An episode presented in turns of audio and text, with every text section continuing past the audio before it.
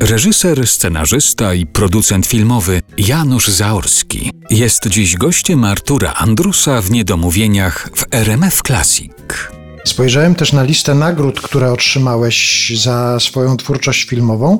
Zwróciłem uwagę na taką jedną z nowszych z 2020 roku, Złoty Glan, taka jest nazwa tej e, nagrody. Bardzo rozbudowane uzasadnienie, ale między innymi tam padają takie słowa za krytyczne spojrzenie na problematyczną i niekiedy wręcz nieludzką historię własnej ojczyzny, stawianie odważnych pytań.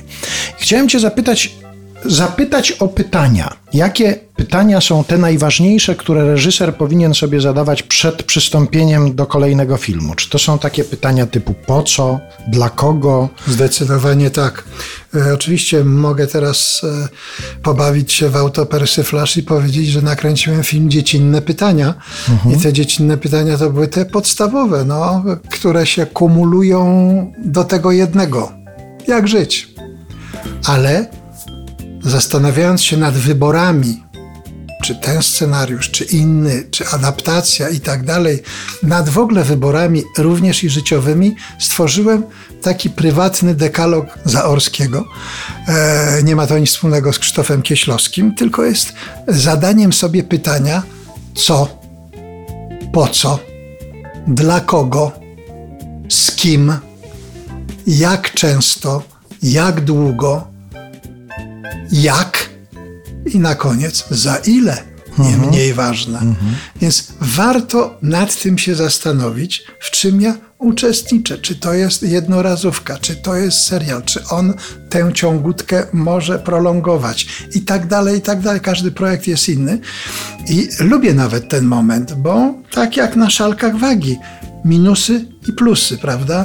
I czy to mi jest potrzebne? Coś takiego robiłem. Ja myślę, że też się zastanawiają bardzo aktorzy, zwłaszcza ci świadomi, którzy nie chcą być zaszufladkowani.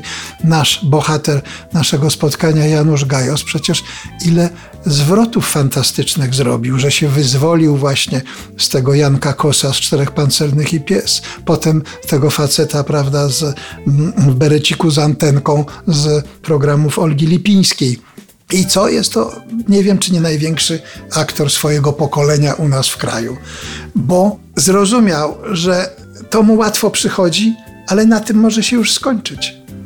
I tu jest też i wina nas. Mówię o reżyserach, że bardzo często jesteśmy wygodni. A wiesz co, weźmy tego, on grał księdza, niech u mnie też zagra księdza. A jak tam się sprawdziło, to, to też się sprawdzi. Zwłaszcza, że już jedna sutanna gotowa, uszyta, będą niższe tak koszty. Więc staram się unikać takich sytuacji, bo e, wiem, że też i aktor wtedy coś ma już gotowca jakiegoś, to już nie pracuje nad rolą, no to jest przygotowany od razu, po przeczytaniu może to grać. To nie jest dobra rekomendacja. A wolę, jak to się mówi, z mądrym zgubić niż z głupim znaleźć.